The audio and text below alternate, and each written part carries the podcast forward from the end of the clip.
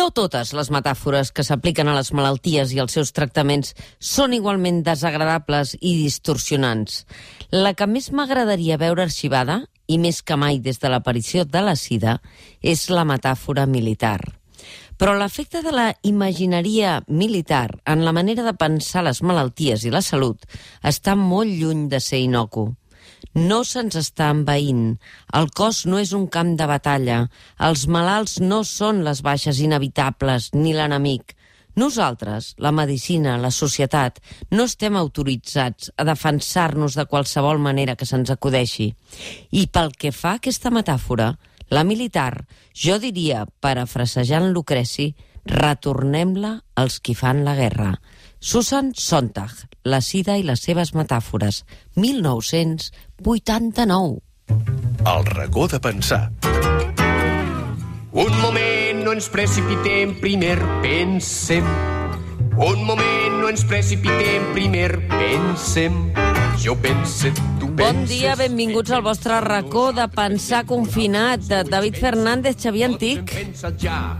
Hola, bon dia, Mònica. Bon dia, David. Bon dia, Xavier. Bon dia, Mònica. Bon dia, Albert. Bon dia, Cesc. Bon dia a tot l'equip. Aquí estem. Uh, immillorable la cita que heu triat del 1989 de Susan Sontag perquè cada dia, cada dia, quan uh, segueixo la roda de premsa del comitè tècnic, hi penso. De què parlarem avui? Avui Eh. parla... Dis, dis, David, perdona. Tira, tira, tira, tira, milles, Xavier. Ja comencem. No, ja comencem amb de- aquests dos. Ja comencem. A desobeir-me. Firmes. Avui Firmes. parla... Com que no ens sabem posar firmes, no? Avui parlarem de militars. Ah, de bé. militarismes i de militaritzacions. Ens has començat posant una música que almenys a mi m'ha donat una mica de calfred, que és aquesta música de marxa militar, Sí. eh, que eh, una mica ens ha recordat amb música, eh, segurament de manera més fareïdora, allò que ens estan recordant cada roda de premsa. És cada. I és que eh, eh, fa- passa una cosa una mica eh, per tremolar, eh, que en el país del no a la guerra hem vist aquestes setmanes com els professionals de la guerra i les seves paraules han ocupat els espais de la pau, no? I, per tant, com el, els conceptes militars, la retòrica militar, tota la imagineria que tu esmentaves, fins i tot els valors, han colonitzat els espais de la vida i, malauradament, de la mort de la societat civil, no? Sí. Convertint un problema sanitari que és de salut pública eh, amb les seves paraules i la seva mirada eh, en una qüestió de seguretat nacional. Hi ha hagut un contagi, que ara escoltareu, un contagi que ha anat dels militars, l'exèrcit, eh, la Guàrdia Civil, la Policia Nacional, cada dia eh, doncs tenen pràcticament una hora per fer discurs que han contagiat a l'escena política. No, no, no només passa a Espanya, passa arreu del món, però una, uns quants exemples, eh, en podríem fer moltíssims. Hoy es viernes en el calendario, pero en estos tiempos de guerra o crisis, como queráis llamarlo, todos los días son lunes. Tengo que felicitar a todos los españoles por la disciplina que están mostrando todos los ciudadanos comportándose como soldados en este difícil momento. En esta guerra irregular y rara que nos ha tocado vivir o luchar, demostremos que somos soldados, cada uno en el puesto que nos ha tocado la Guardia Real se incorpora a las tareas de la Operación Balmis, poniendo de manifiesto una vez más que Su Majestad el Rey es el primer soldado de España.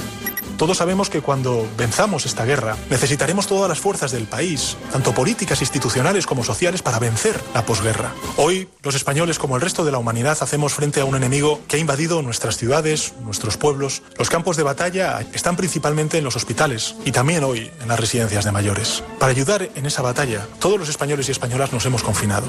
No tengo ni tendré otro enemigo que el virus. Nadie puede ganar solo esta guerra. La terminologia militar, David Fernández.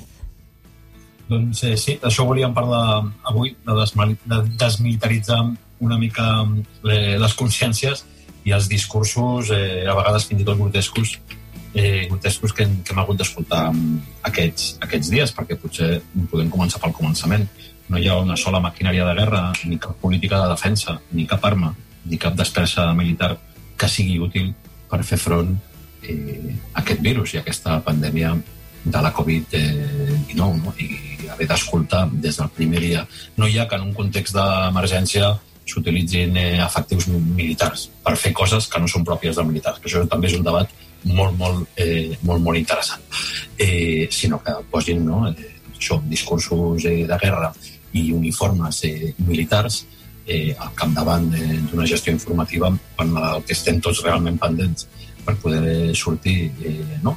eh, d'aquests moments on els temps es fa tan llarg i els dies es fan tan curts eh, doncs són eh, científics i, i sanitaris fins i tot jo diria que mm, reprovant fins i tot el nom que li han, que li han posat a l'operació, no? que és l'operació Balmis, que és de l'any 1803, i que efectivament eren dos metges que eren, que eren militars també, però que el seu descobriment era mèdic, no era, no era militar, uh -huh. que era la vacuna de la varola i que fins i tot està no, eh, històricament documentada, es, es diu que és de les primeres expedicions sanitàries globals, però el que feien era portar la vacuna no? Clar. Eh, de la varola, i per això es, es deia no era cap guerra, era la Reial Expedició Filantròpica eh, del Bassi.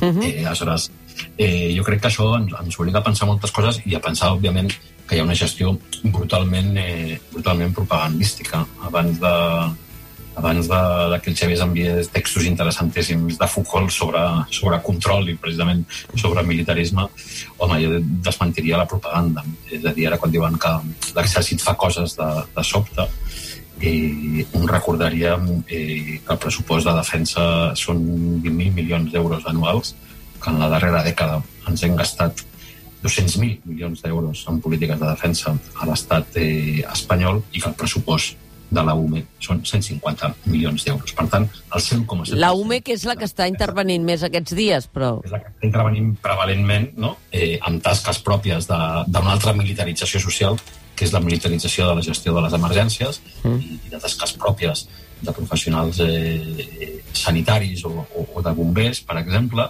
eh, i després també és veritat que la UME representa el 2% de la plantilla de l'exèrcit espanyol, més de 156.000 efectius entre, entre els actius, el personal i, i, els, i els reservistes. No? Uh -huh. Per tant, amb aquestes xifres, un 0,7 del pressupost, un 2,23% de la plantilla, és, és un autèntic frau informatiu, no? Que ens diguin, la pregunta és què fan els altres, 150.000, i on van eh, els, 100, els 19.000 milions d'euros eh, restants i per què ens ha servit l'exèrcit en els darrers eh, 10 anys i no faig cap broma a part de, no? de per reconquerir Perejil. Uh -huh. De tota manera, eh, en descàrrec seu, us he de dir, perquè jo el segueixo cada dia a tots i, i el que estan demostrant és una necessitat de posar en valor tota la feina que se'ls hi ha encarregat, perquè Aquí algú ha encarregat que siguin ells els que liderin eh, la posada en escena pública de com s'està afrontant aquesta crisi, no, Xavier? Sí, sí, completament. diguem que els militars són els, els, instruments de, els instruments de govern. És a dir, estan operant una mica en aquesta crisi, no és cap novetat, com una de les tecnologies del poder, com un dels mecanismes del poder. I, clar, si la pandèmia s'aborda com una qüestió de seguretat, i a més de seguretat nacional, més que no pas com una qüestió de salut pública, que és el que en realitat és, la distorsió està servida d'entrada, diguem els militars una mica compleixen, eh, com sempre es diu, compleixen ordres, no? La qüestió és com eh, el seu àmbit d'actuació mm, s'ha vist desbordat, diguem-ne, per jo crec que una autèntica eficàcia retòrica, no? Ells han posat les paraules, han posat els conceptes, les imatges, les metàfores, no? I, però sabem que tot això, que les paraules no són només paraules, que les paraules contenen valors, que les paraules transmeten una mirada respecte de la realitat, un punt de vista respecte de les coses, clar, i que s'hagi generalitzat no només amb els militars, sinó, com hem escoltat també, amb eh, polítics, amb mm. president del govern, amb ministres, etc que parlin del que està passant en termes de guerra, de camp de batalla, de les armes, de l'enemic, dels soldats del front, de la primera línia, de la trinxera, de la rereguarda, dels morts com a baixes, vol dir que, efectivament, eh, com, com se diria en termes publicitaris, els militars han marcat el relat. Sí, sí, dir, totalment. D'alguna manera, no només estan descrivint les coses, perquè sabem que les paraules no, no només diuen les coses que passen, sinó que eh, les paraules, i aquesta és una lliçó que té 2.500 anys d'història, no? les paraules fan coses, no? Uh -huh. a l'hora de esmentar-les d'una determinada manera, mm, convertim les coses en allò que diuen les paraules. Si parlem de la malaltia com una guerra, vol dir que estem convertint una qüestió sanitària en una guerra i que, per tant, una guerra s'ha d'abordar no pas amb bates blanques, sinó amb uniformes militars, no? Uh -huh. Jo crec que eh, la, la consciència de que el llenguatge és neutre això té 2.000 anys d'existència i, i, en, i en el nostre temps tenim prous elements com per sospitar quan algú vol fer coses amb les paraules, no? Des del gran Víctor Klemperer, aquest filòleg que va denunciar que la primera gran operació de domini del Tercer Reich va ser a través del llenguatge, fins la Susan Sontag, que és, eh, com amb el fragment que tu has llegit, la primera que es va dedicar a analitzar com, en el cas de la sida, eh, la militarització del llenguatge a l'hora de parlar d'una malaltia com la sida comportava aleshores una cosa que avui sabem que va ser esfereïdora, que va ser la criminalització també dels propis malalts. No? Uh -huh. Llavors, no hi, ha, no hi ha res innocent a l'hora de parlar d'una malaltia, no en termes de malaltia, sinó en termes de guerra, mm, perquè s'està fent una cosa molt perillosa, que és eh, convertir la metàfora, no? el dir una cosa per una altra, eh, fins a l'extrem que aquesta altra cosa, en aquest cas la guerra, acaba substituint el caràcter pròpiament uh -huh. clínic o mèdic del que en realitat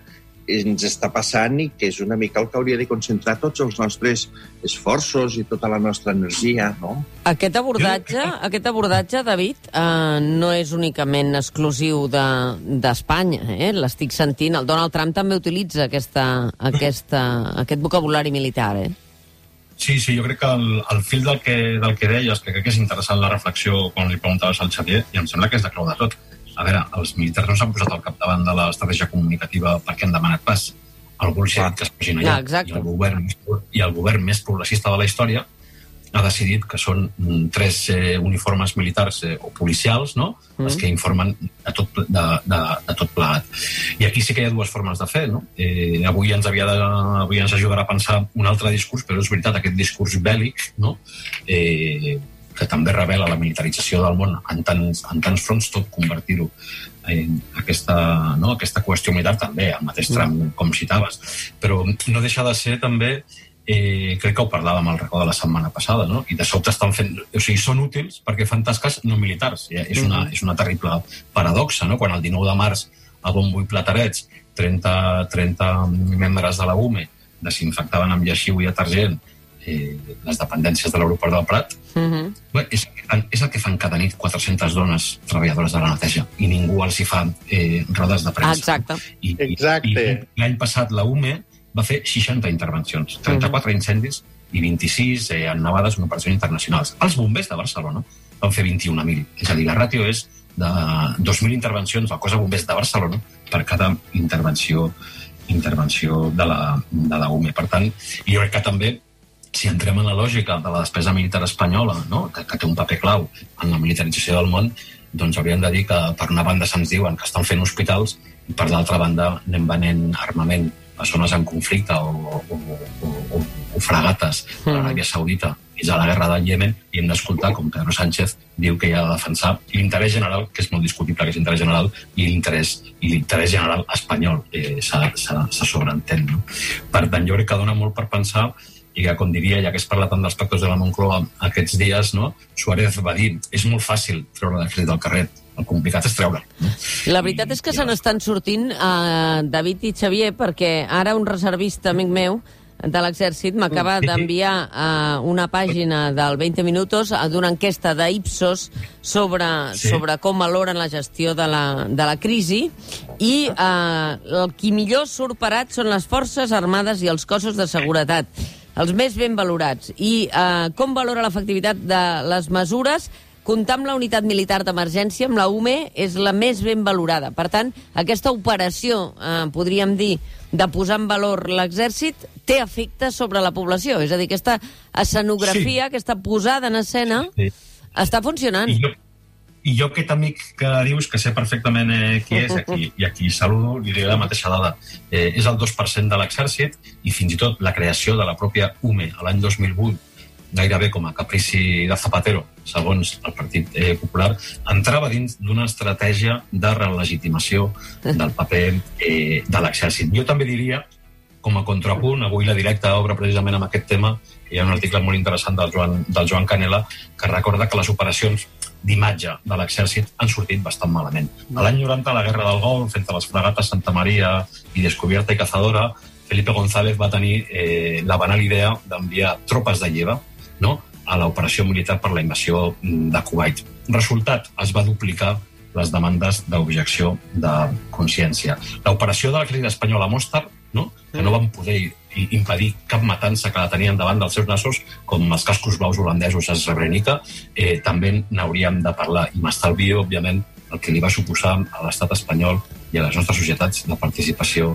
en la guerra, en la guerra de l'Iraq. La pregunta és veritat, és, és el per què, no? És, és, és qui, on, en quin quadre de comandament polític i en quines variables, eh, amb aquella metàfora que a mi em deia un, un, un savi antimilitarista, no? que era el que un que em deia l'exèrcit espanyol, les úniques cares que ha guanyat són les que ha lliurat contra el seu propi poble.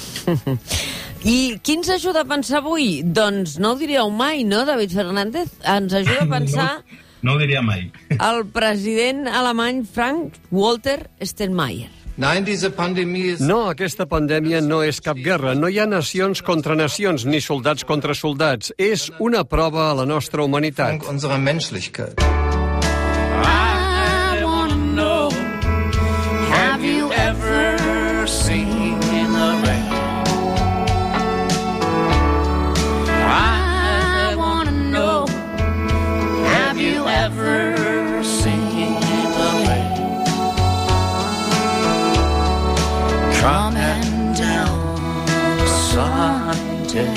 Gran discurs de Steinmeier dient que això és un test d'humanitat, eh? I que, per tant, aquí eh, tots, aquest matí deia que portaran cues actituds eh, d'insolidaritat de la gent, gent que, que persones que estan fent feines essencials els hi diuen vés-te'n d'aquest edifici, no? Doncs, finalment, eh, tots i cadascun de nosaltres, test d'humanitat. Sí, i a més jo crec que el, sorprenentment, com deia el nostre amic eh, Raül Fèlic, eh, alemany deia, ha sorprès a Alemanya també perquè, perquè és una persona que com a ministre del govern Schroeder eh, va tenir una agenda molt neoliberal que va produir -huh. grans, grans retallades. Però és curiós perquè també incorpora una vessant global i internacionalista, perquè hi demanem aliança mundial no, de cara als països més pobres, que són els més vulnerables, i, i també en relació al debat paral·lel que mantens amb el nostre eh, amic, que sí. és un debat que s'ha de tenir, òbviament, perquè, perquè s'ha de poder dir tot, si no ho diem tot, no, no diem res. Ell deia que volia fer un homenatge al president de la República Alemanya, eh, els pilars invisibles de la societat, no? Uh -huh. que eren en particular les caixeres, els conductors d'autobús, els camioners, els forners, les pageses i els escombriaires, no? i deien que estaven salvant vides cada dia. Xavier, uh, realment algun dia, uh, jo, jo la faig eh, sovint la pregunta de per què aquesta militarització del discurs que ja s'està contagiant fins i tot en els professionals de la salut, ahir ho vaig veure a l'Hospital Clínic, no? Algun dia uh, ens ho explicaran, però té a veure amb el control social, no? Té a veure amb el... Sí, sí, Mònica, completament fixat quina paradoxa, no?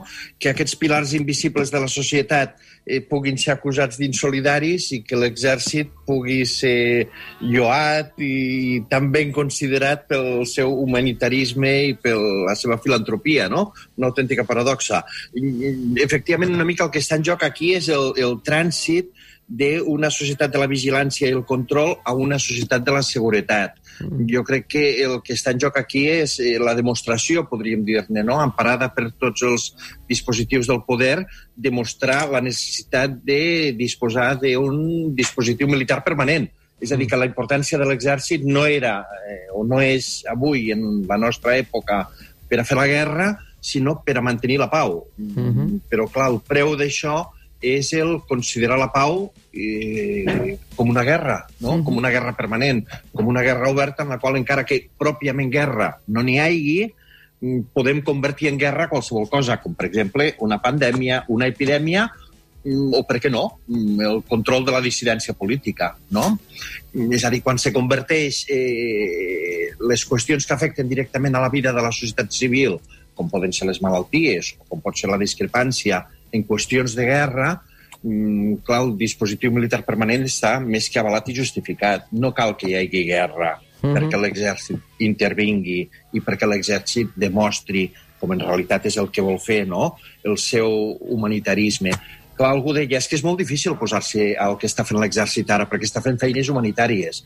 No, és que justament aquest és el problema, que l'exèrcit estigui fent feines humanitàries, perquè l'exèrcit no està creat per fer feines humanitàries ni per fer feines filantròpiques, sinó per una altra cosa. Doncs tant de bo aquest racó de pensar serveixi per reconsiderar-ho. David Fernández, eh, moltes gràcies. Xavier Antic, gràcies per ajudar-nos a pensar. Gràcies, Mònica. Vosaltres.